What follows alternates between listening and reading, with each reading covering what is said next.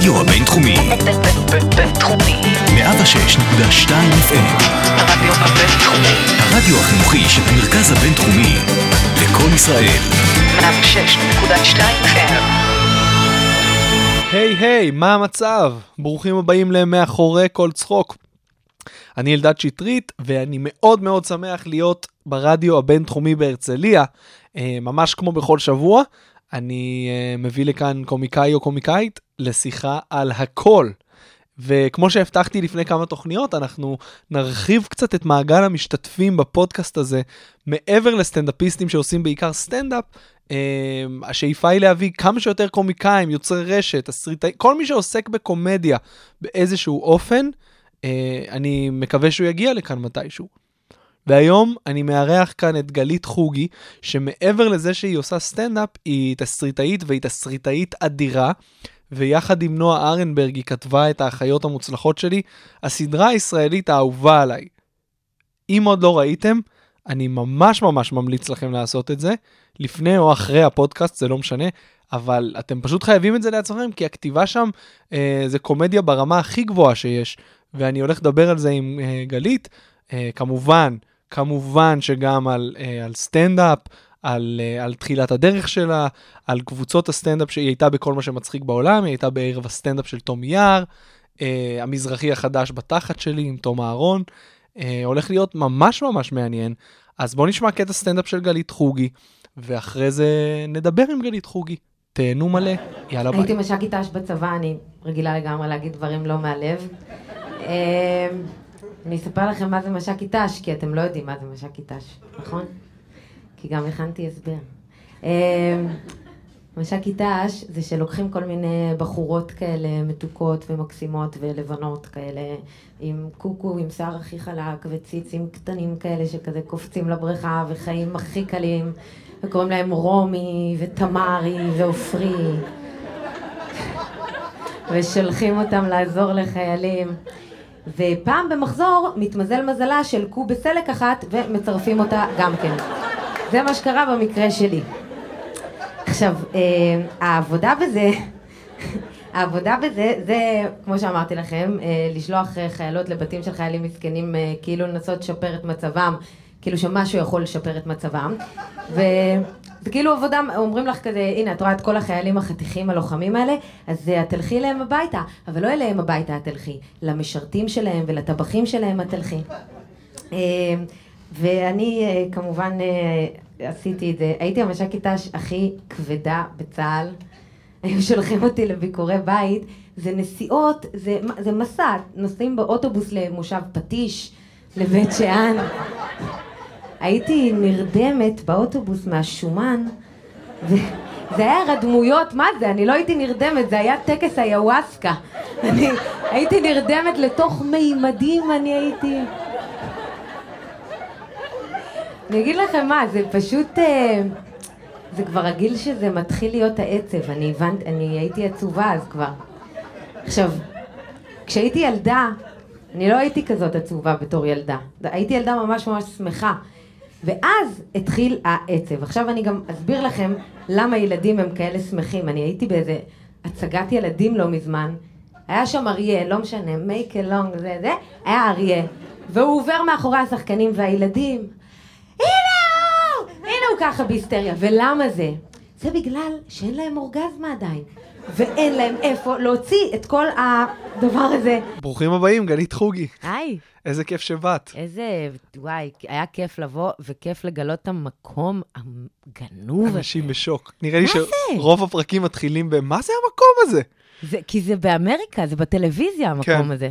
גם אנשים לא פה. יפים מדי, נכון? הכל פה מדי, אני נכנסתי וראיתי אנשים עושים אה, זומבה או משהו דומה, כאילו. בחוץ? כן.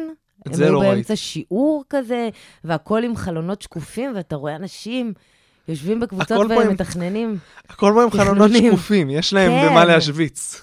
ממש, ממש, ולי יש במה להתבייש. למה? אז, אה, אז זה מסתדר טוב ביחד. אין לא. יודעת, אני חושבת שלא באתי לבושה לאירוע הזה, נכון? אני לא ידעתי. זה כמו, זה כמו לבוא לחתונה בנמל, צריך לבוא הנה. תכלס. ואני, פעם הבאה אני אבוא יותר אה, כזה אני מסודרת. אני מקווה שתהיה פעם הבאה, אני מקווה שיהיה סבב. רק כדי שאני אוכל להתלבש יותר טוב לזה.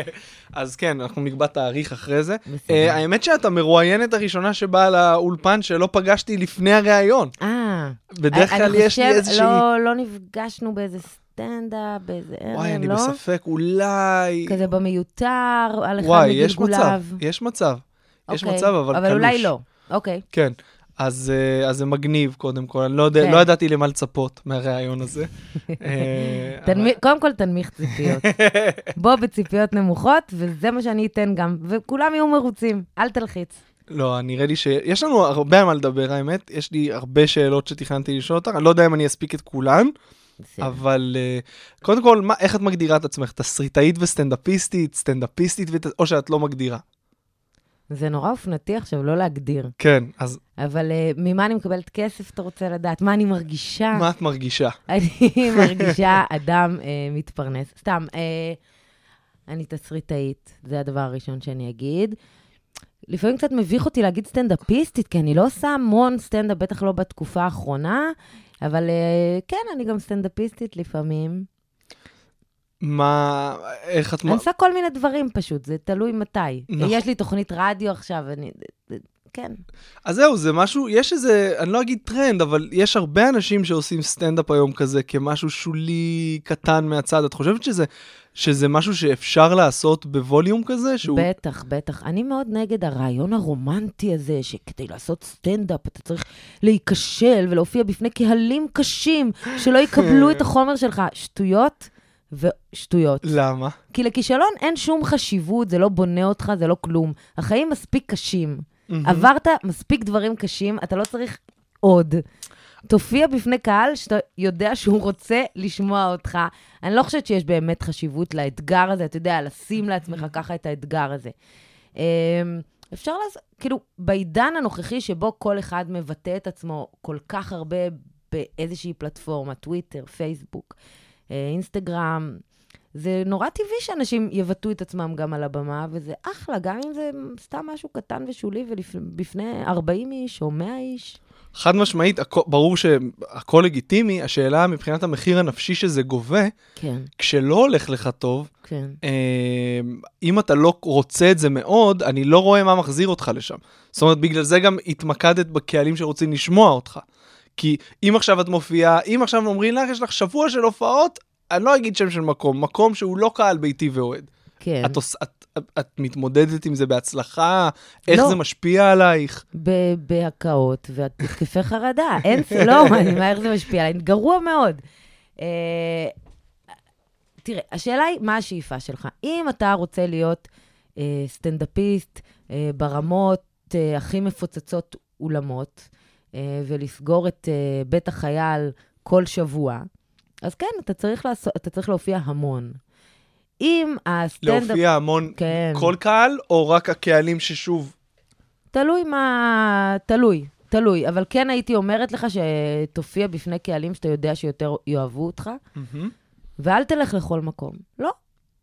לא בגלל אה, בוז לקהל הזה שנמצא איפשהו, אלא כדי לקבל... כי לפעמים זה שקהל נורא לא אוהב אותך, זה איזה בעיטה לנפש שלך שאין אין למה, לדעתי. אבל אני חושב שזה בלתי אתה נמנע. לא צריך להתאים לכולם, זה מה שאני באה להגיד נכון, לך. אתה לא צריך, אתה לא תתאים לכולם, לא משנה מה תעשה.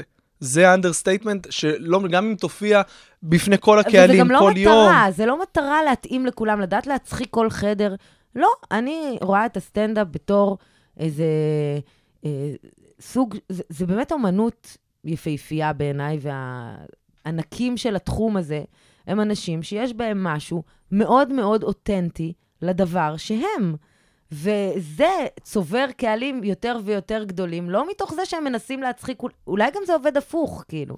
אולי גם כל מיני, קווין הארט הוא בן אדם שיודע להצחיק כל חדר. תראי, באופן בלתי נמנע, כשאתה מתחיל לעשות סטנדאפ, אין לך שליטה על הקהל שמגיע, במיוחד אם אתה הולך לא לבמות... נכון. אם אתה הולך לבמות אבל פתוחות יש, יש, ומועדונים, מיני, יש כל מיני סוגים של במות פתוחות. יש את נכון. נכון. הסטנדאפ המיותר שאתה יודע מה יגיע לשם, ויש את אה, הקאמל שאתה יודע מה יגיע לשם. לקאמל אתה לא יודע. במיותר אתה יודע. לקאמל בקאמל- אתה יכול לנחש פחות או יותר, וגם בסטנדאפ פקטורי אתה יודע בערך מי האנשים, כמובן שלא בדיוק, אבל בואי, אני אסביר את מה שאני חושב. בסטנדאפ פקטורי אתה יכול להופיע שלוש פעמים בערב, עם כן. אותו סט, וזה כל פעם יעבוד אחרת. כל פעם יעבוד אחרת. במיותר, אני כן. חושב שהספקטרום, ההצלחה והכישלון, הוא לא- המנעד לא כזה גדול. כן, נכון, הקהל שם יותר אה, הומוגני. אז קווין הארט, בתחילת דרכו, אני מניח שהוא הופיע בפני מלא סוגים, במיוחד בארצות הברית, שיש לך קהל של אפרו-אמריקאים וקהלים יותר לבנים, ואז אתה נוסע לדרום ויש את ולמרכז... הקולג'ים, ויש, נכון, אבל גם שם יש סוגים ספציפיים אה, כזה של קהלים, ויש סצנה, הסצנה הניו יורקית כזה, שיש לה גם את הצד ההיפסטרי, ויש לה גם נכון. את הצד יותר, אה, מה שנקרא עממי, אבל זה לא האחרונות. נכון. זה רק בשנים כן? האחרונות. כי עד לפני כמה שנים פשוט היית הולך, מופיע בכל מקום, וצובר את הקהל שלך עד שאתה ממלא אולם בזכות מה שצברת. כן, אבל אין... אם אתה באמת רוצה להיות סטנדאפיסט, הדעה שלי היא כן. שקשה מאוד, אתה לא יכול לבחור את הקהל שלך, אתה לא יכול לסנן על פי, הם יאהבו אותי, כאילו, יכול להיות ש... שוב, זה ז'אנר אחר של שאיפות וקומדיה, כן. אבל אה, בשביל להגיע לרמות, אני חושב, כל השנים הראשונות אתה לא עובד בכלל על חומר, אתה, אתה משיל מעצמך את מה ש... אה, אתה רוכש כלים בימתיים, אני חושב. ושוב, זה עניין של גישה. יכול להיות שאתה תעלה מהפעם הראשונה במיותר, והסגנון שלך יעבוד.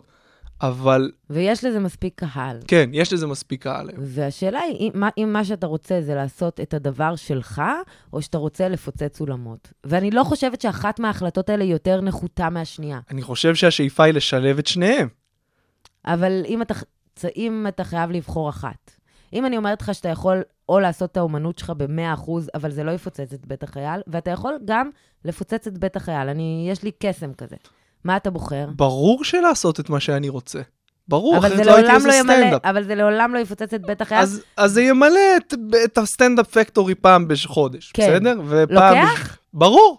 ופעם בשבועיים ללכת להופיע לבנק הפועלים, שוב, סתם אני זורק פה, בנק הפועלים, אם אתם מאזינים, אה, המספר... זה הזמן. אבל ברור, אני לא...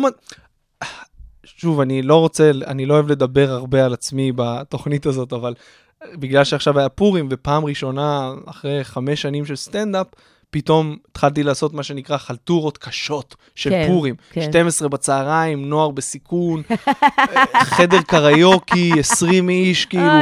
שמאי רכב. את- הבנתי זה כמה תרם אני... לך? אם זה מה? הסיבוב הזה, זה תרם לך? זה תרם לי כלכלית. לא רק כלכלית, בתור מה שאתה עושה, בתור סטנדאפיסט, זה זה, תרם לך? זה פיתח אצלי עוד אה, היכרות עם כלים שאני צריך, לפ... אני, אני יודע מה אני צריך לעשות כדי לעבור את זה, אני לא בהכרח כן. אעשה את זה. אבל זה גרם לי להבין כמה אני רחוק מהעולם הזה, זה מה שאני כן, בא להגיד. כן. כמה אני לא יכול עכשיו לשבת בבית ולהגיד, אני עכשיו כותב עשר דקות שמתאימות לוועדי עובדים. אני אישית לא יכול, לשאלתך. אז כן, אני אוקיי. מעדיף במקום אה, למלא את אה, בית החייל, להופיע פעם בשבועיים במקום יותר קטן. עזבי, איך את בכלל התגלגלת לסטנדאפ מתסריטאות. וקולנוע? לא, זה לא בדיוק עבד ככה. אה, למדתי קולנוע בסם שפיגל. ונועה ואני קצת התחלנו, נועה ארנברג, שכתבתי איתה את האחיות המוצלחות שלי, ואני התחלנו לכתוב איזו גרסה מאוד ראשונית של זה, לא קרה עם זה כלום. שזה לפני כמה, כמה שנים לפני שהסדרה? וואי, לא. יודעת. הגלגול הראשון היה לפני הרבה זמן. אוקיי. ו...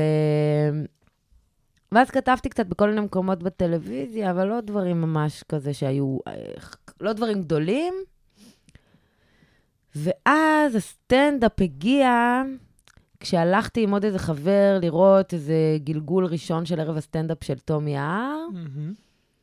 וזה ממש אה, עשה לי חשק, אבל כזה נורא חששתי מהכיוון הזה בכלל. מה הרגשת שישבת לראות את זה שזה- כצופה? שזו פעם ראשונה שאני רואה את זה בעברית.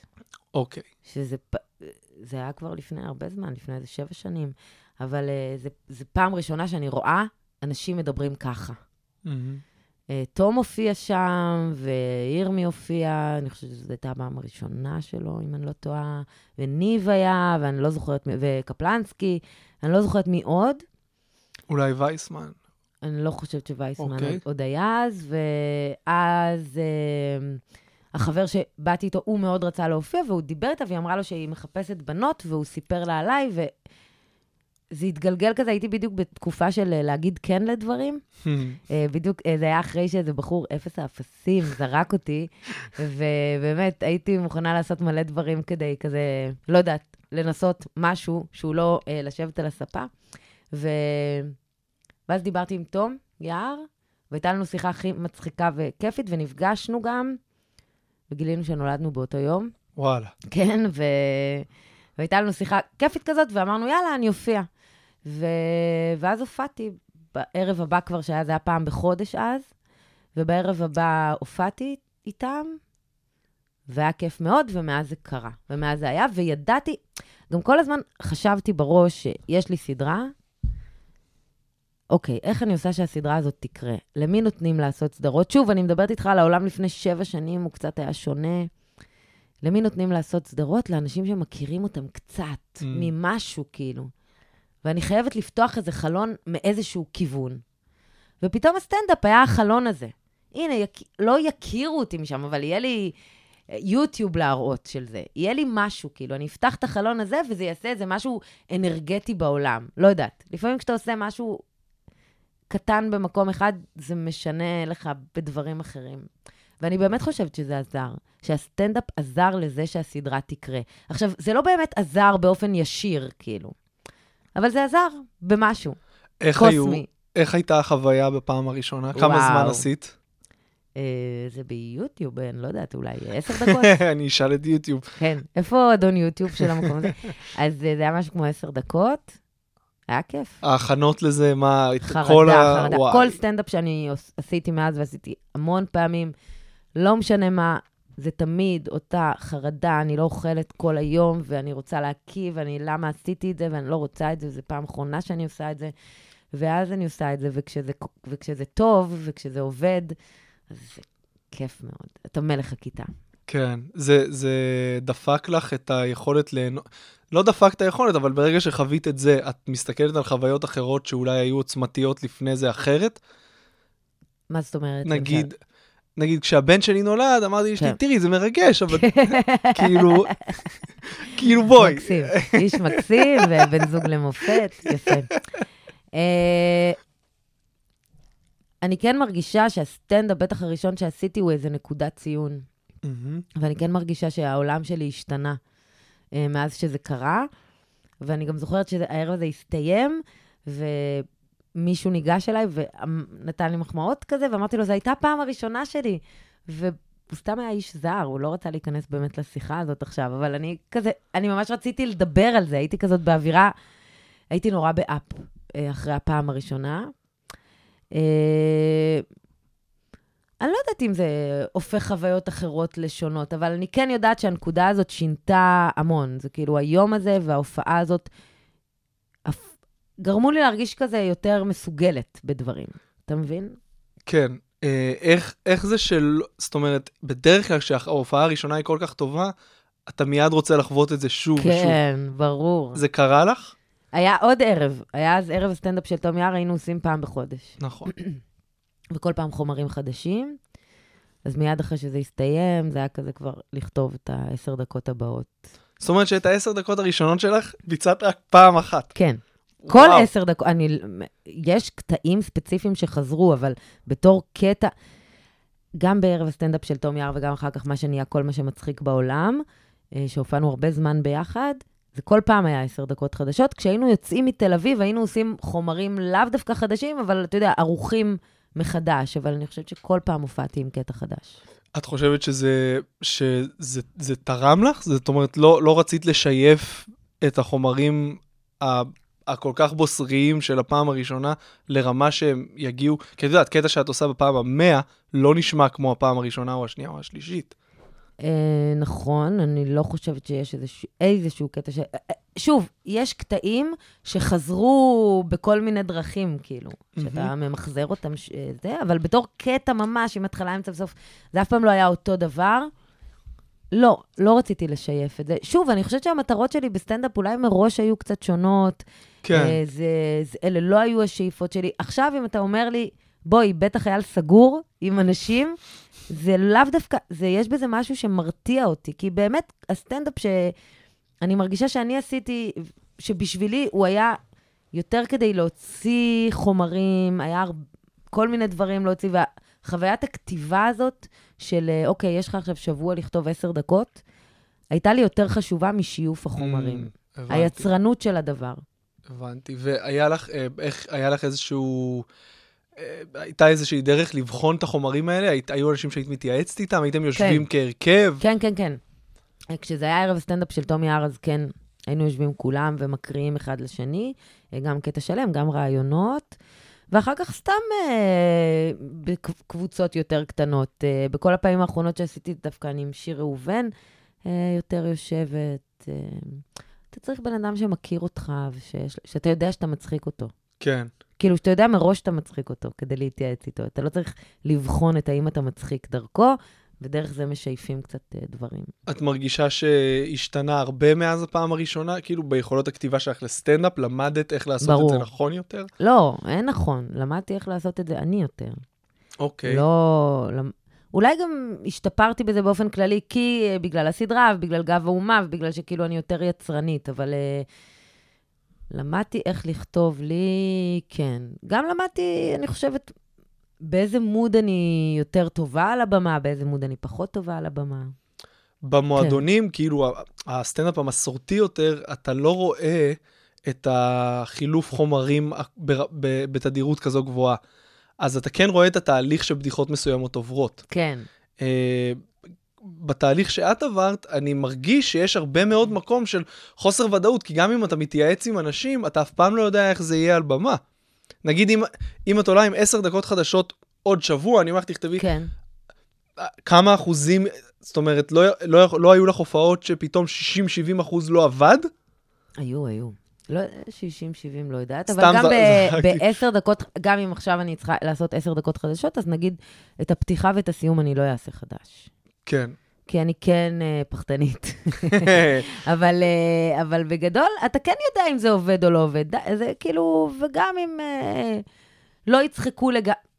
בסוף, בסטנדאפ, זה המסקנה שלי על הדבר. זה לא אוקיי. העניין של הבדיחה הנורא מצחיקה שאמרת עכשיו. זה זה שהם צריכים לרצות להיות חברים שלך. ואם הם רוצים להיות חברים שלך, הם צוחקים. ואם אה, תפתה אותם מספיק, הם ירצו להיות חברים שלך. באמת, את מסכמת את זה לאם הם ירצו או לא ירצו להיות חברים? חד משמעית. בטח, וואי, זה מלחיץ. אבל זה הדבר. אתה כשאת עולה... מציגה את זה ככה? זה הדבר. הייתי עכשיו, לא מזמן, שבועיים בהופעה של שחר חסון.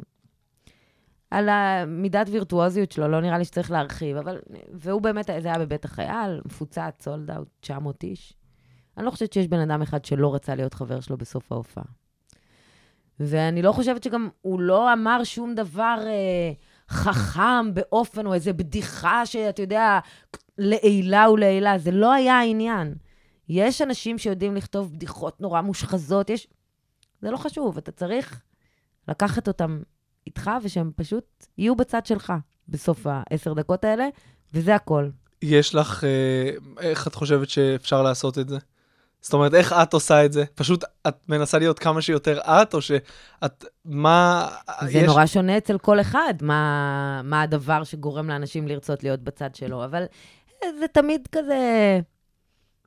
נראה לי שיש בזה אלמנטים של הומור עצמי ולצחוק על חולשות שלך, והם... אה, ואל תתיש אותם. כן. אל תספר פעמיים את הבדיחה. הם צחקו פעם ראשונה. סתום את הפה. לא, לא חייבים לטחון את המשפט. עוד ועוד ועוד. מה היה החלק הכי מאתגר בלהיות חלק מהרכב כזה שמופיע, שרץ יחד? וואו, להפיק את הערב הזה, לא אני הפקתי אותו, אבל תש- באמת לארגן את זה, שיהיה את הערב הזה עוד ועוד ועוד, כשכל אחד יש לו עבודות אחרות, ואף אחד הוא לא המפיק של זה, זה היה באמת סיוט. בגלל זה גם פחות או יותר הפסקנו להופיע, כי לאף אחד כבר לא היה כוח לארגן את ה... זה תמיד היה נורא עול. וההחלטות המשותפות, אה, כזה, ההצבעות על דברים, זה היה, וואו, קשה. כמה אמרת שהדבר הראשון שאמרת על, אה, על הערב הראשון עם תום יער, זה שפעם, הרגשת שפעם ראשונה שאת רואה את זה בעברית. כן. מה, היית צרכנית סטנדאפ לפני זה? היו אומנים שהיית רואה אה, אתה יודע, כמו כולם כזה, ואני חושבת שגם היו כאלה שאהבתי יותר או אהבתי פחות, אבל שום דבר מזה לא היה ככה, לא היה בכזאת רמת כנות. כלומר, תמיד, אני חושבת שכל הופעת סטנדאפ שראיתי עד אז, גם הדברים שהכי הצחיקו אותי, ולא יודעת, עדי אשכנזי ודברים אה, זה, אף אחד מהם לא היה 100% ריאליסטי, אותנטי, דברים שבאמת קרו לאנשים האלה.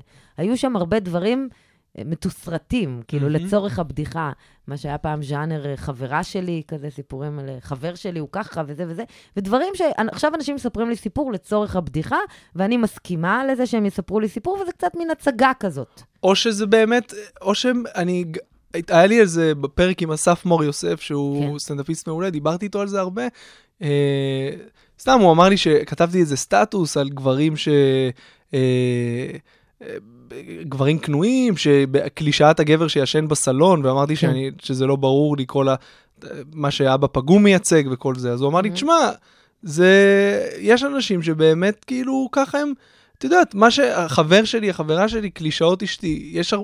הרבה אנשים שככה הם באמת חיים. זה לא שהם מתסרט, זה לא מתוסרט. לא מאמינה. גם אם הם חיים ככה, אז הם היו מספרים לי את זה יותר ספציפי. תראי, יכול להיות שהם עוד לא מצאו, אין להם את היכולת הוורבלית לנסח את זה בצורה... זה לא קשור ליכולת ורבלית בכלל. זה קשור לזה שכשאתה מספר סיפור שקרה לך באמת, אתה מספר אותו אחרת. עכשיו, אני גם מוכנה לקנות את זה מלא פעמים. קווין הארט הוא כן דוגמה לזה שמלא ממה שהוא מספר לא ריאליסטי, לא באמת קרה לו, נגיד. לפחות נראה לי ככה. עכשיו, כולם עושים את זה, בסדר? הרבה פעמים אתה לא באמת מספר את האמת לצורך הבדיחה. וזה בסדר גמור, אבל זה משהו אחר כשעולה אה, סטנדאפיסט לבמה וכל מה שהוא מספר עכשיו הוא אמת. זה באמת קרה לו, ואז מה שהוא משתף בו זה לא, הוא לא מספר לך איזה סיפור מופרך שמסתיים באיזה משהו, אלא במחשבה Mm. על דבר, או בתובנה על דבר, וזה פי אלף מדבר אליי. ו... ויכול להיות שהאנשים שעושים את הדבר השני, המתוסרט הזה, הם אומנים יותר גדולים ויודעים להצחיק כל חדר, אבל זה לא מעניין אותי לעשות את זה, וזה... יוצא לך להגיע למועדונים, לראות סטנדאפ... אה, אה, יש לי תינוק בן שנה, בשנה האחרונה פחות, למרות שהייתי בדברים השנה. יוצא לי, בטח. מה את חושבת על, על סטנדאפ ישראלי באופן כללי, זה שהוא פחות ה, מה שנקרא אלטרנטיבי, היפסטרי תל אביבי? יוצא לך כמו לראות? מי, מה, אה, תגיד, כאילו, אה, אנשים, ערב, אה, ערב, קחי מרתון סוף שבוע ב Camel Comedy Club. מי מופיע? אה, וואו. לא יודע, תגיד לי ד- אנשים, אגיד לך מה אני חושבת. בוא נלך לא- על ליינאפ Camel אה, טיפוסי, יוחאי ספונדר, עופר שכטר, אלעד דוד, נועם עופר שכטר מנור. לא ראיתי אותו הרבה זמן, כאילו, לא יודעת, לא זה, אבל אה, מהאנשים האלה אני לא חושבת שראיתי משהו מאוד עדכני, אממ. אבל אה, בוא נאמר שזה, לא, זה פחות הסגנון שלי, חד משמעית. כן, והם עושים טוב אולי. נועה מנור, גם ראיתי אותה מאוד מזמן. אבל הייתי לא מזמן בהופעה, נניח, בהופעה המלאה עכשיו של גיתית פישר, וזה היה מדהים. זה היה יפהפה. וואו, היא עושה הופעה באמת מצוינת, ואני חושבת שכל מה שהיא מספרת שם הוא אמיתי, או לא יודעת, 90 אחוז ממה שהיא אומרת שם הוא אמיתי, וזה, וזה יפהפה, ואני יותר מתחברת לזה. אני גם חושבת שזה יותר אינטליגנטי, אני גם כן שיפוטית לגבי זה. כן. זהו, אני, יצא לי לאחרונה, שוב, נחזור לילד בן שנה, ו- כן, ל- הייתי מופיע יחסית הרבה במיותר בתחילת הדרך. כן. אה, ובאמת הייתי רואה שם הרבה דברים מאוד אינטליגנטיים, אבל פשוט לא מצחיקים בהרבה כן, נכון, מהמקרים. נכון. וזה- לפעמים זה לא מצחיק. וזה מה שמחזיר אותי ל... ל... שוב, ובזה אני אעזוב את הנושא, סתם כי זה משהו שמעסיק אותי מאוד, אני מדבר על זה עם הרבה מהאורחים. השיוף וההתמדה ולהופיע הרבה ולפתח אה, איזושהי יכולת בימתית שמאפשרת לך לעשות התאמה מהירה למה שקורה בחדר, זה משהו שבאמת מצריך הרבה עבודה. ואני חושב נכון. שזה, זהו, זה בדיוק מה שאולי קצת חסר באזורים האלה של הסטנדאפ. אני אה, לא בגישה, אני מכירה את הגישה הזאת, את אה, גישת ה Stand Up Factory כלפי הסטנדאפ האלטרנטיבי הזה, ואני לא מקבלת אותה. אוקיי, אתה רוצה שיבואו ויהיה מאוד, אנשים שישלפו מהר כל בדיחה. לי אין בעיה שתעמוד חברתי הטובה, שיר ראובן על הבמה, ולא תדבר עם הקהל מילה אחת, שלא תסתכל לו גם בעיניים. אני רוצה להקשיב רק לדברים האינטליגנטיים ביותר שהיא אומרת עכשיו, ולי יותר כיף בזה. ברור שהם צריכים עכשיו, להיות, אבל, מובן אבל שאם אם הם רק מצ- אינטליגנטים ולא מצחיקים. בסדר, ואם זה רק מצחיק ולא אינטליגנטי, ברור שעדיף שניהם. אבל אם אתה צריך לבחור איפה המינון יותר, אז אני מעדיפה את הדבר השני. ספציפית זה מה שיותר מדבר אליי. לא, אני חושבת אנשים שיודעים להצחיק כל חדר הם יותר מצליחנים. אבל זה לא... עזוב, זה ישן, זה, זה, זה לא... די, זה ישן. סבבה. מה... הסטנדאפיסט הכי גדול בעולם היום, אה, בעיניי, הוא דייב שאפל. אין, לא יודעת, כאילו, לא יודעת איך אפשר להעז להתווכח עם זה בכלל. דייב שאפל, כשהוציא את אה, שני הספיישלים האחרונים שלו, הספיישל השני, שהוא יושב, לא זוכרת עכשיו איך קוראים לזה. הרביעי כביכול, לא? כן, בדיוק. כן, עם הספר. כן. לא כל כך מצחיק. בסדר גמור, אין בעיה. זאת פסגת האומנות. אני, אני מסכים שאחרי שאתה מוציא ארבעה רצופים בנטפליקס, גם אחרי שאתה הרביעי- דייב שאפל. נכון, נכון, נכון. נכון, נכון, נכון, ברור. ברור. ת, אתה... כדי שהם ירצו להיות חברים שלך, תצחיק אותם. כן. הם לא באו להרצאה, אין ספק. אתה לא קורא דף מיומנך עכשיו. רצוי שיעבוד ביחד. איך, אה, היית, איך היית מחליטה בתקופה של הסטנדאפ במקביל לכתיבה של הסדרה? כן, מתכוון כמובן לחיות המוצלחות נכון. שלי. איך היית מחליטה, אה, זאת אומרת, יש לך רעיון שהוא... אמרת, זה חד משמעית לסטנדאפ, אולי זה על התפר שבין להכניס את זה כמשפט לדמות בסדרה, איך זה הרבה עובד? משפטים מהסטנדאפ נכנסו. אני מאמינה גדולה במחזור. אוקיי. אם יש לך רעיון טוב, תסחט אותו. כל שקל שאתה יכול לראות מהרעיון הזה, תראה. אמ, אז אה, דברים שניתנים למחזור, אז בטח. יש משפטים מהסטנדאפ שנכנסו לדמויות בסדרה, הרבה. וכשאתה כותב סצנה, וכשאתה כותב סטנדאפ זה קצת שונה, כי סטנדאפ הוא תובנה שהולכת ונהיית יותר ב zoom in ו zoom in, ודווקא סצנה צריכה משהו יותר רוחבי. אז זה לא תמיד דברים שמשיקים, אבל אין לי שום בעיה להעביר מכאן לכאן. היו, היו דברים שאם אני עכשיו אראה את כל הסטנדאפ שאי פעם עשית ואני אראה את הסדרה, אני אגיד, וואו, יש פה נקודות השקה שאי אפשר להתעלם מהן? אה, ברור. לא, לא תצטרך להיות שרלוק מה הולמס למשל? בשביל זה. תני לי משהו בולט. אה, אני לא בטוחה שזה אפילו הכי בולט. אה, סתם זה מה שעולה לי בראש עכשיו, אבל יש המון. אה, בעונה השלישית של הסדרה, למור, האחות החיילת, יש חברה שקוראים לה מיטל, והן יושבות פעם על ספסל, ומיטל מספרת לה על דברים רעים שהיא עשתה לאנשים, והיא מספרת לה שהייתה לה ילדה קצת סלואו בשכונה, ובגלל שהיא הייתה ילדה כל כך uh, מקובלת, היא שכנעה אותה שאם היא תשים שקל בתחתונים, יהיה לה שניים.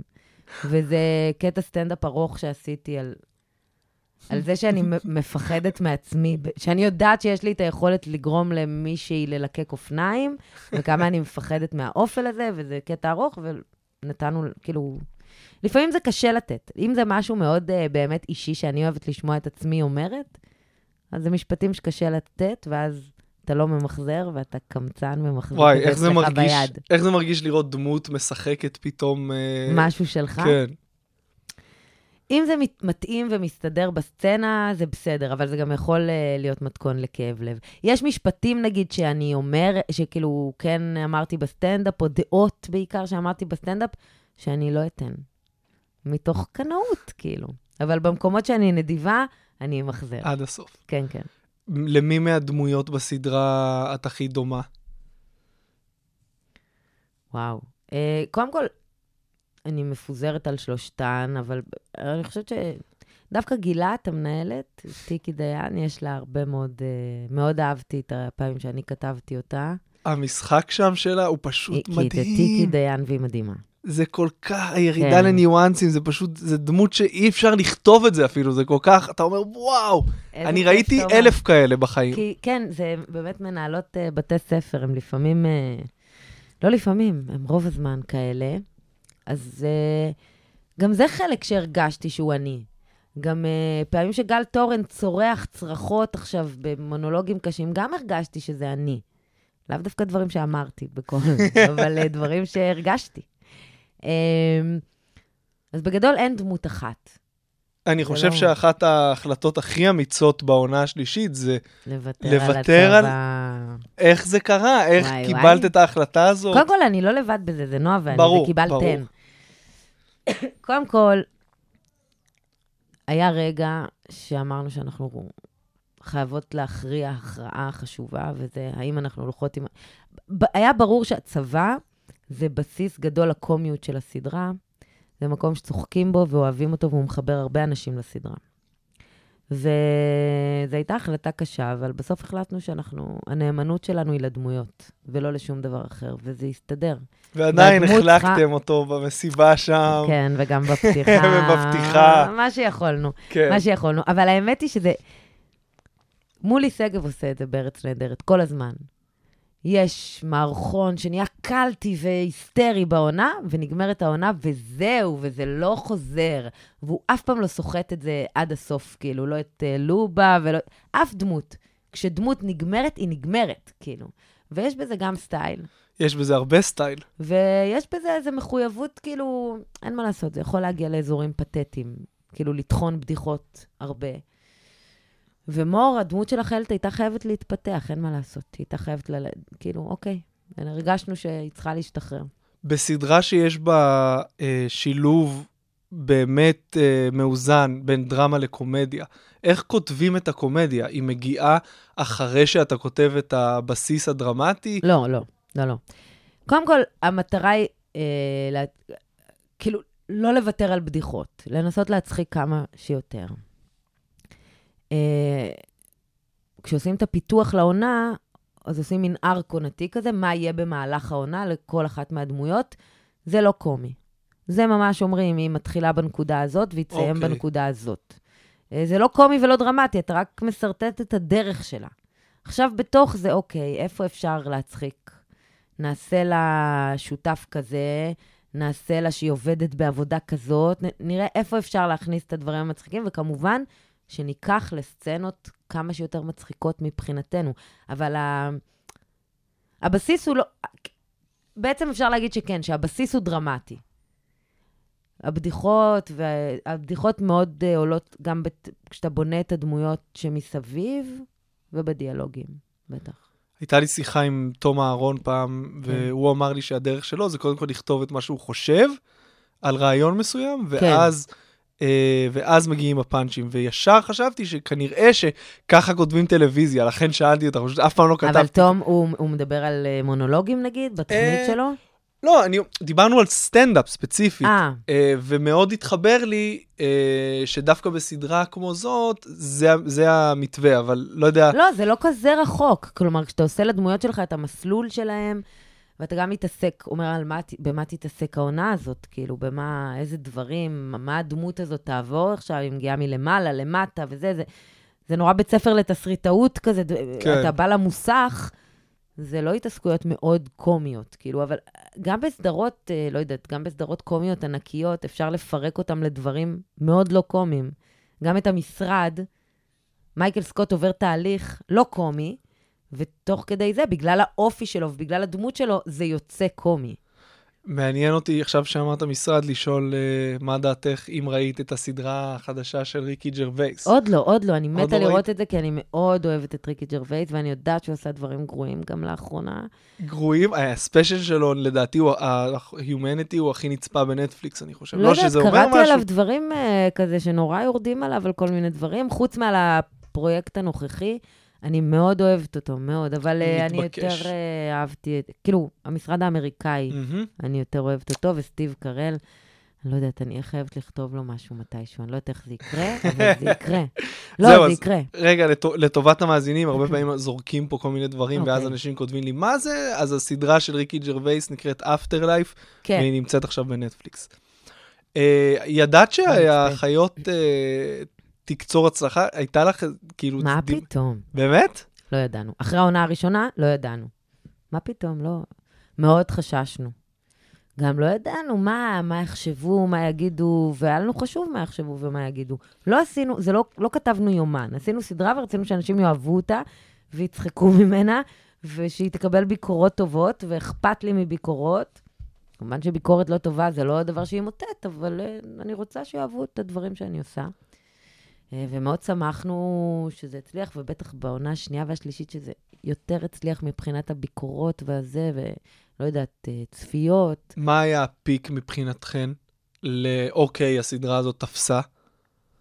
אחרי העונה הראשונה, קודם כל היו המון תגובות, ואז גם זכינו בפרסים, ווואלה, כאילו, אתה מגיע לאיזה מקום שאתה אומר, לא להיות חזיר. הנה, בסדר, הכל בסדר. המבקרים שאתה אוהב, המבקרים החשובים, כתבו ביקורת יפה, בסדר גמור, ויש אה, שניים כאלה, אז טוב. והיו פרסים והיו תגובות, וגם יס אה, רצו עוד שתי עונות, אז אה, זה היה מקום בסדר. היא תהיה עונה רביעית. זה עכשיו בדיוק בדיבורים. מה אתה אומר? מה זה? ברור. כן? בטח, איזה שאלה. אז כן, לא יודעת, אז נראה לי כן. אוקיי, אם אני מקבל החלטות. זה, זה, ב, זה בפיתוח כזה. כלומר, אנחנו גם בדיבור על זה עם יס, שזה באמת מקום כיף, לא בקטע שמלתי, זה באמת מקום כיף לעשות בו. אה, אבל אנחנו גם צריכות להבין מהי העונה הזאת. יש משהו מאוד קשה בלעשות, נגיד, אה, את העונה הראשונה היה הכי קל לעשות, לכתוב. את העונה השנייה קצת יותר קשה, ואת השלישית קצת יותר קשה, כי העולם של הדמויות הולך ומצטמצם, ואתה יותר מחויב אליהם, ואתה לא יכול לעשות כל מה שבא לך. מהמם. ואתה צריך כזה ללכת עם איפה שהן נמצאות עכשיו, ולקראת אה, עונה רביעית זה עוד יותר מצומצם אפילו. פעם שאלתי את גל תורן, איך עושים עונה, זה היה לפני העונה השנייה, ושאלתי אותו איך עושים אלבום שני טוב, והוא אמר לי, עושים אלבום ראשון גרוע. וואו. אה, כן.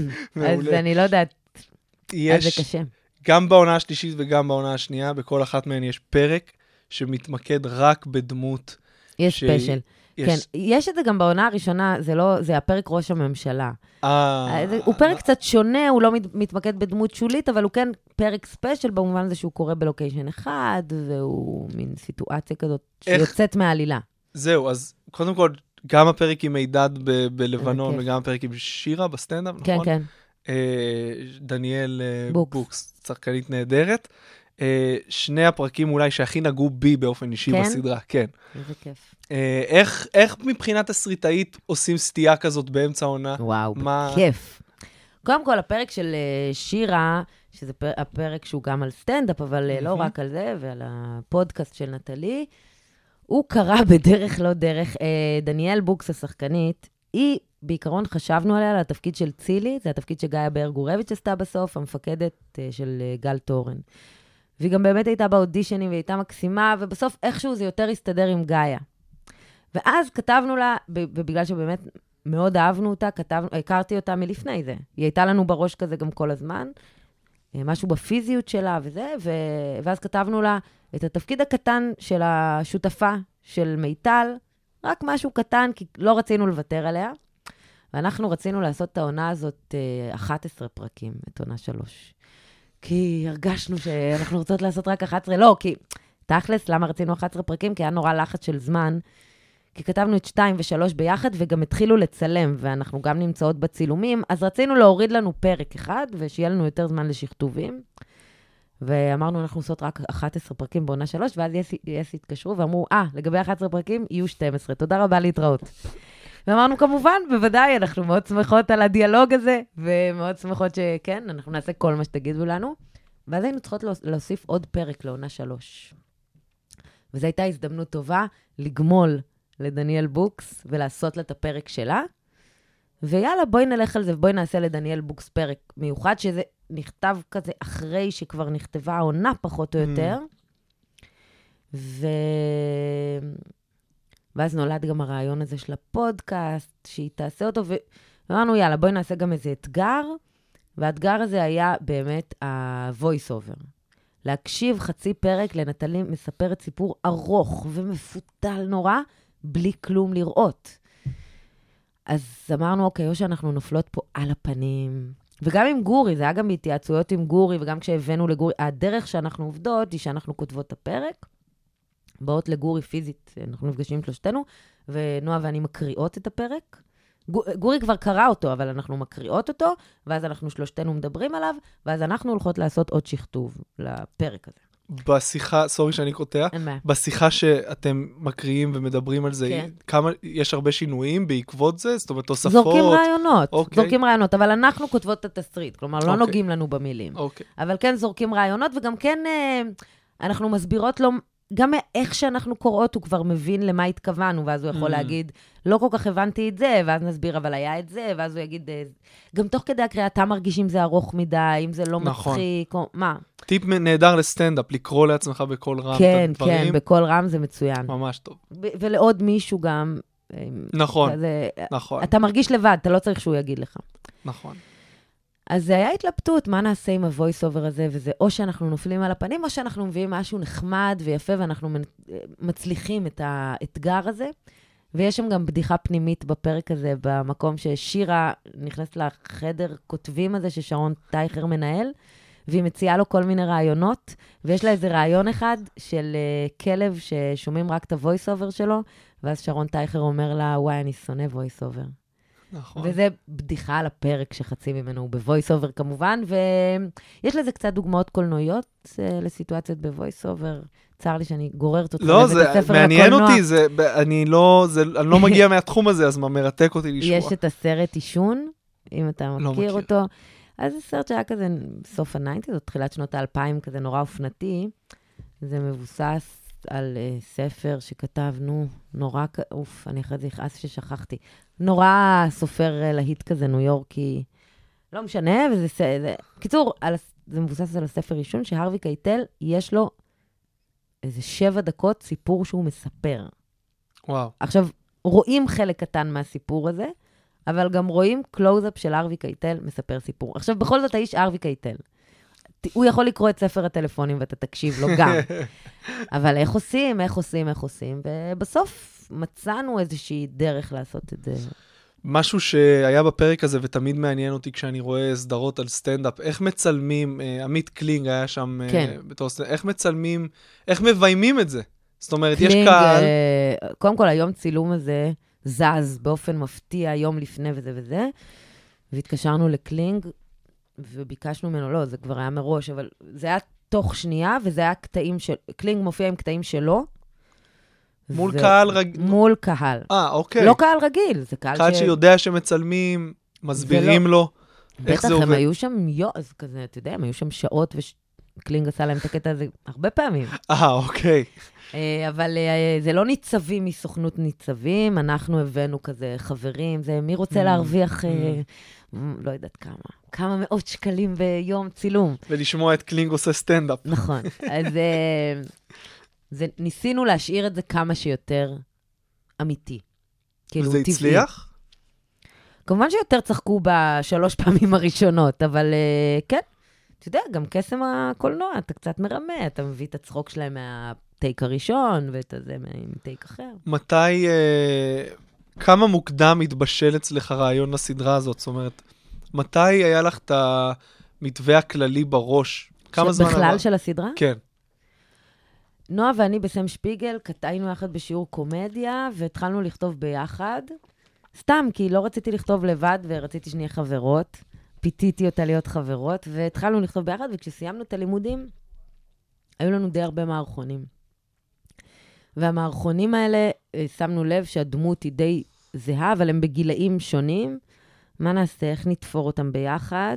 הם יהיו, בואי נעשה מזה סדרה, איך הם יהיו אחיות. Mm. אנחנו נחלק את המערכונים הזה, הם יהיו אחיות. אה, ואז התחלנו בעצם להריץ את זה משם, אבל זה מאוד מאוד השתנה, כאילו, תוך כדי, נגיד, זה שההורים נסעו, זה שידענו, זה שההורים נסעו, זה מין מאורע מחול, מכונן כזה של הסדרה, וכל סדרה צריכה מאורע מחולל שיתחיל אותה, וזה דבר שנולד אחרי, כדי להפוך את זה לסדרה, כדי להושיב את זה ב, בכלים תסריטאיים. מה, מה הדבר הכי משמעותי שלמדת על עצמך בעקבות הכתיבה של הסדרה הזאת? וואו. תן לי דוגמה למשהו שלומדים על עצמך. לא יודע, שאת... אה, אני אתן משהו הכי בנאלי, שאת כן. חסרת סבלנות. לא יודע, מהרגע שיש לך רעיון עד שאת רואה אותו, לא יודע, אף פעם לא. אה. לא, לא, זה לא. יכול להיות זה הכל. לא מה שקורה לך זה- בסדרה. בסדרה, מה שקורה לך זה שאתה אה, כאילו מרגיש, זה, זה מצחיק, זה לא מצחיק, אתה לא יודע, ואז אתה כותב את זה, ומהרגע שאתה כותב את זה, זה כמו חלום. אתה מרגיש שזה פסגת העולם, ואז יש כל מיני אנשים שהם הולכים להרוס לך את זה. השחקנים והבמאי והצלם, ואל תיגעו לי ואל תזיזו. אה, ואז זה נהיה משהו אחר מאיך שדמיינת את זה, בזכות באמת כל הכישרונות הענקיים ששמו את הלב שלהם בפנים, ואתה מתחבר לזה מחדש. אז זה כאילו התהליך שקורה לך בתור כותב, אני חושבת. Mm. מה למדתי על עצמי, אבל... לא יודע, אני לא... אין לי כל כך דוגמה למשהו שלמדתי על עצמי באופן כללי, לא משנה מאיזה חוויה. מה למדת על עצמך מהאבהות? אה. זה פשוט חיזק דברים שידעתי על עצמי לפני, באופן תגיד אחד. חד משמעי. אה, שאני ממש גרוע בלהתמודד עם שינויים. ממש גרוע בהתמודדות עם שינויים, במיוחד מה- מעכשיו לעכשיו. ממש אבל. כן, זה הקטע של שינויים, שזה מעכשיו לעכשיו. אה, לא, יש שינויים שאתה יכול להתכונן אליהם, אבל זה, כאילו דברים גדולים שמגיעים, אפילו דברים קטנים, אפילו עכשיו, לא יודע מה, היום אה, הייתי צריך לתקן כן. נזילה בברז, וזה, וכל היום זה הטריד אותי, כאילו אני, עזבי. תיקנת? תיקנתי. מדהים. התקשרתי לאינסטלטור, הוא אמר לי, זה 360 שקל.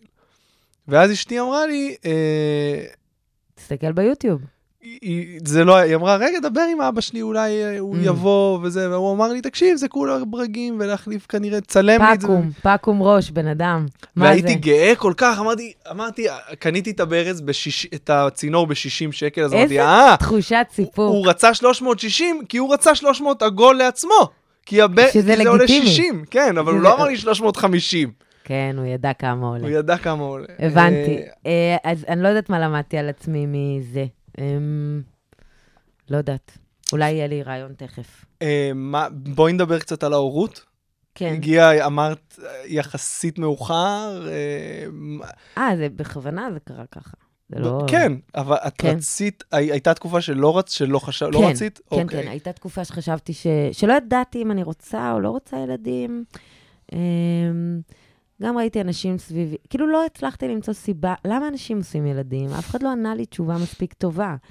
אני חושבת שהיום כשאני מסתכלת על זה, נראה לי שהתשובה לזה זה כדי להתמודד עם המוות. That simple, כן? בטח. כי המוות אה, פה, והוא מתקרב כל איך הזמן זה, ואיך בצד- זה עוזר שיש לנו ילד? כי זו הסחת דעת בדמו, בדמות תינוק, שזה ההפך ממוות, וזו הסחת דעת, אה, וגם תינוק, אחד הדברים שהוא מביא לך לחיים זה חרדות חדשות שלא חשבת שהן קיימות עד מהמם. הרגע שהוא נולד. נכון.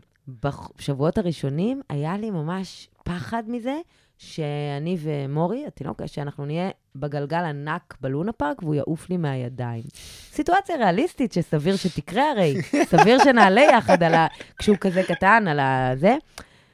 ופתאום אתה נהיה הרבה יותר תאב חיים, כאילו. אתה לא מוכן שאף אחד ימות פה, לא משנה מה. וככה מתמודדים עם המוות.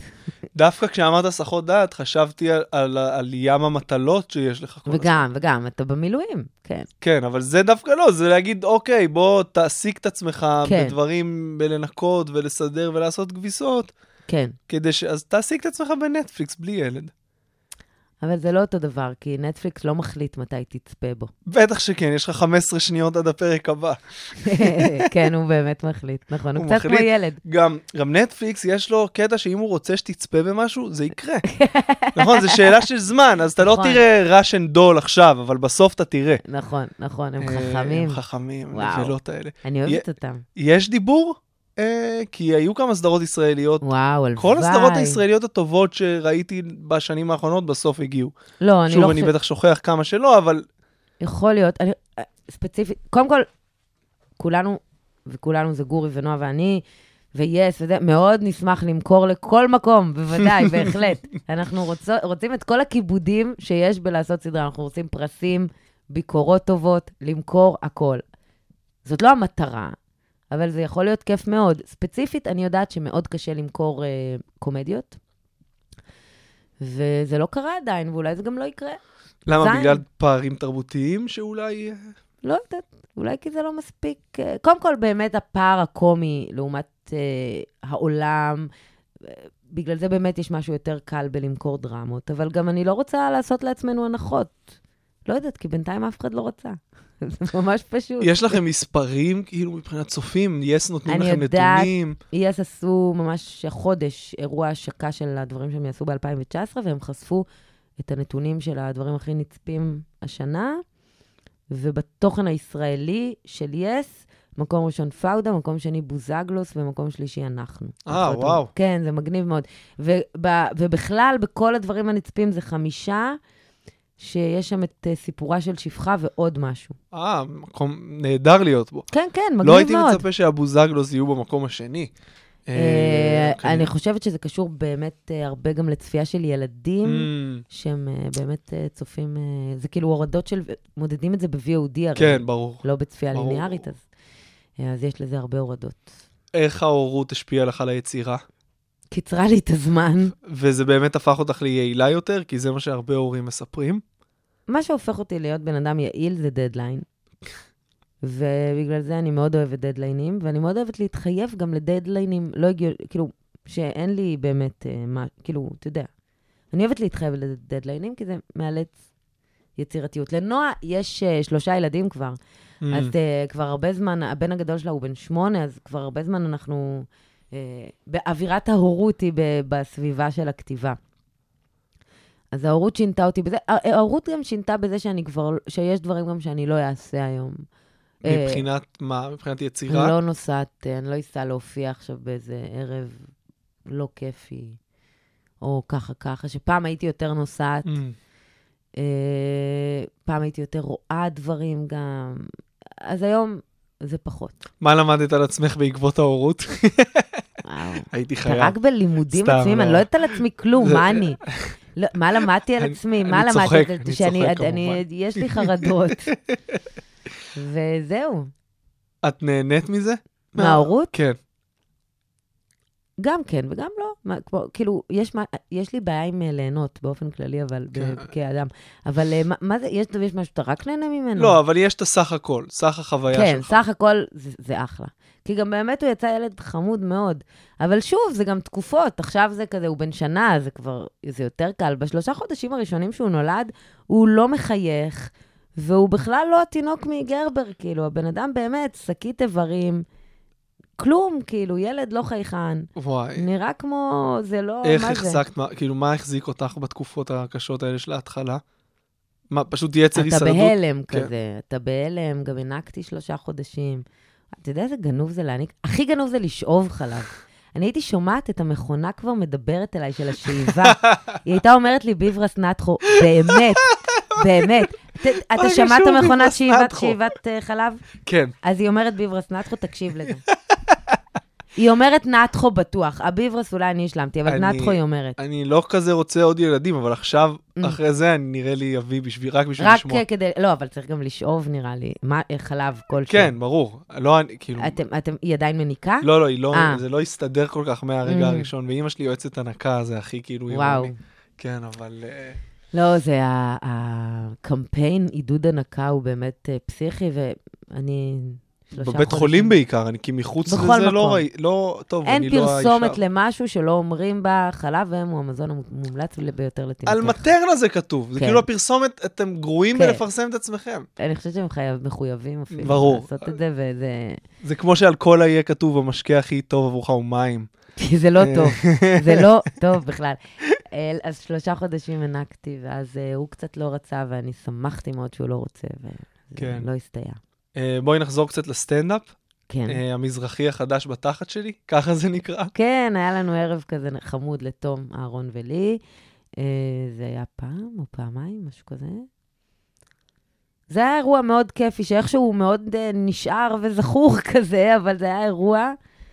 Uh, אני, הרגשנו שנינו שהשיח המזרחי מאוד קורה בזמן ההוא, וגם לנו היה מה להגיד על זה, לא במקומות כמו ארס פואטיקה, או לא במקומות כאלה רציניים, במקומות אחרים. לירון עמרם הופיע שם, שזה זמר שאנחנו מאוד אוהבים, וגם מה שהיה בערב הזה, זה היה, לא ערב, זה היה צהריים, ביום שישי בפסאז' חינמי ומפוצץ, חבל שלא באת. סטנדאפ בצהריים זה אף פעם לא רעיון טוב. תקשיב, זה היה ערב מקסים. היה לנו, לפני זה הקרנו את uh, נאום הצ'חצ'חים של uh, בגין, וזה היה מאוד יפה, והקרנו את uh, מרגול אצל רבקה מיכאלי, אתה מכיר את זה? לא. רבקה מיכאלי כמובן מאוד מתנשאת על מרגול שם, ומרגול עונה מדהים. וגם לבגין יש את מה שהוא עונה לדודו טופז, אחרי שדודו טופז אמר צ'חצ'חים, כלומר, אה, מצביעי ליכוד הם אה, ש"ג, מצביעי העבודה הם אה, לוחמים, הם זה, ומה הם מצביעי הליכוד? הם ש"גים, צ'חצ'חים. כן. ואז בגין עונה לו בנאום מדהים. ויש עוד כזה, והקראנו עוד משהו קטן, את uh, שמעון פרס, אני חושבת שזה הוקרן שם, את שמעון פרס צועק על... Uh, שמעון פרס נואם לפני בחירות, uh, בחירות המהפך, לפני 77, שמעון פרס נואם, והקהל המזרחי uh, צועק לו בוז, ושמעון פרס צועק להם בחזרה, ככה אתם חושבים שתנצחו את הבחירות עם תנועות מזרחיות?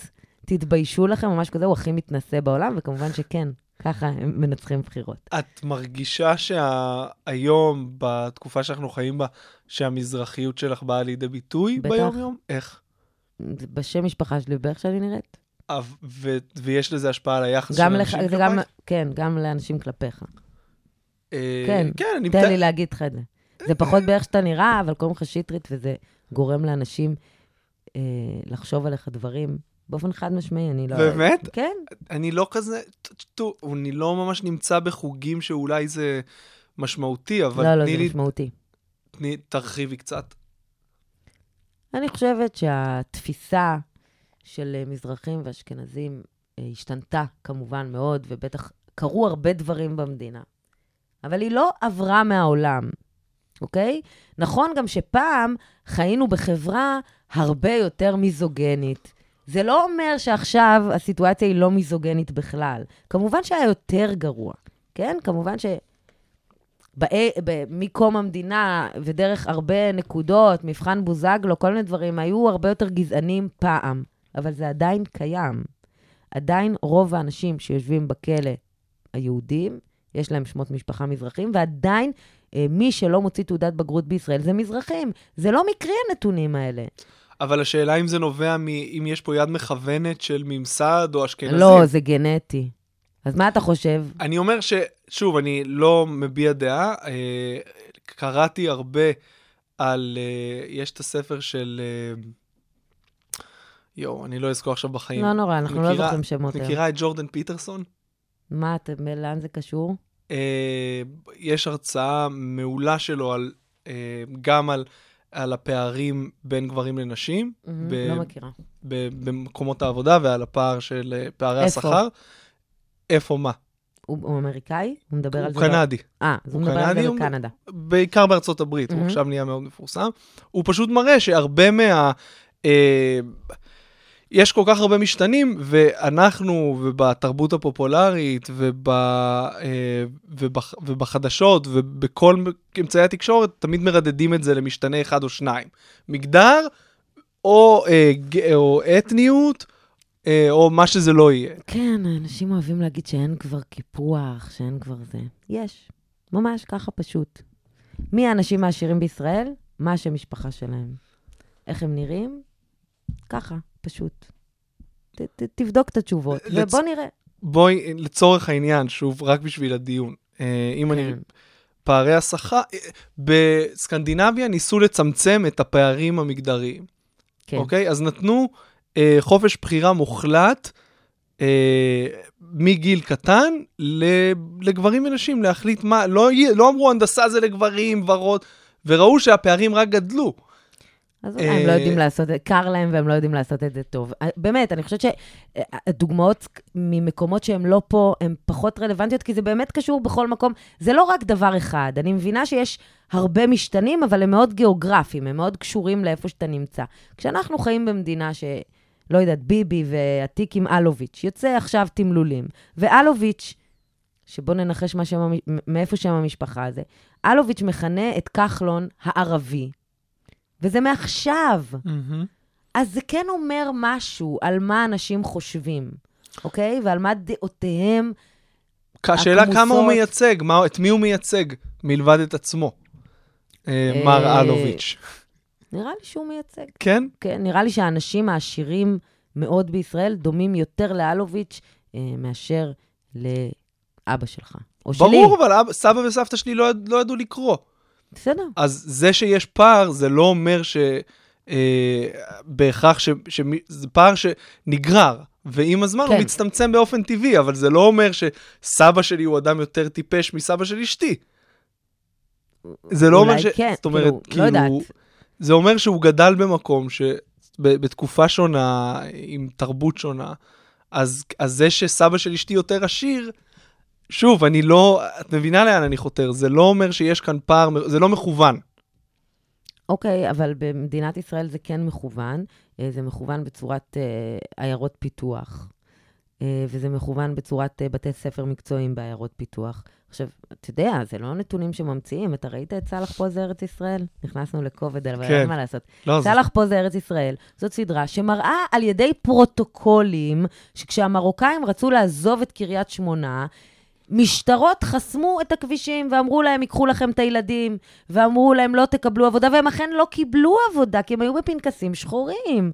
והם גרו בדירות אה, עמידר, ב, באמת ביישובי אה, ספר ובעיירות פיתוח, ולעומת זאת, אשכנזים פולנים קיבלו לגור ברמת אביב בתים פרטיים שיהיו שלהם. אז כן, ברור שיש פה יד מכוונת. ואני מבינה שזה לא... עכשיו, אתה יכול להגיד לי, אוקיי, אבל זה מה שהיה, זה היה בשנות ה-50, עכשיו זה כבר לא ככה. וזה באמת פחות ככה, אבל זה לא לא ככה יותר. זה עדיין קיים, ועדיין הייתי שמחה לראות יותר, בטח נשים מזרחיות מובילות. אני חושבת שנראות היא דבר מאוד חשוב, כי אני חושבת שאם אתה לא רואה בן אדם שדומה לך בנראות שלו ובשם שלו בעמדות מפתח, יותר קשה לך לדמיין את עצמך במקום הזה.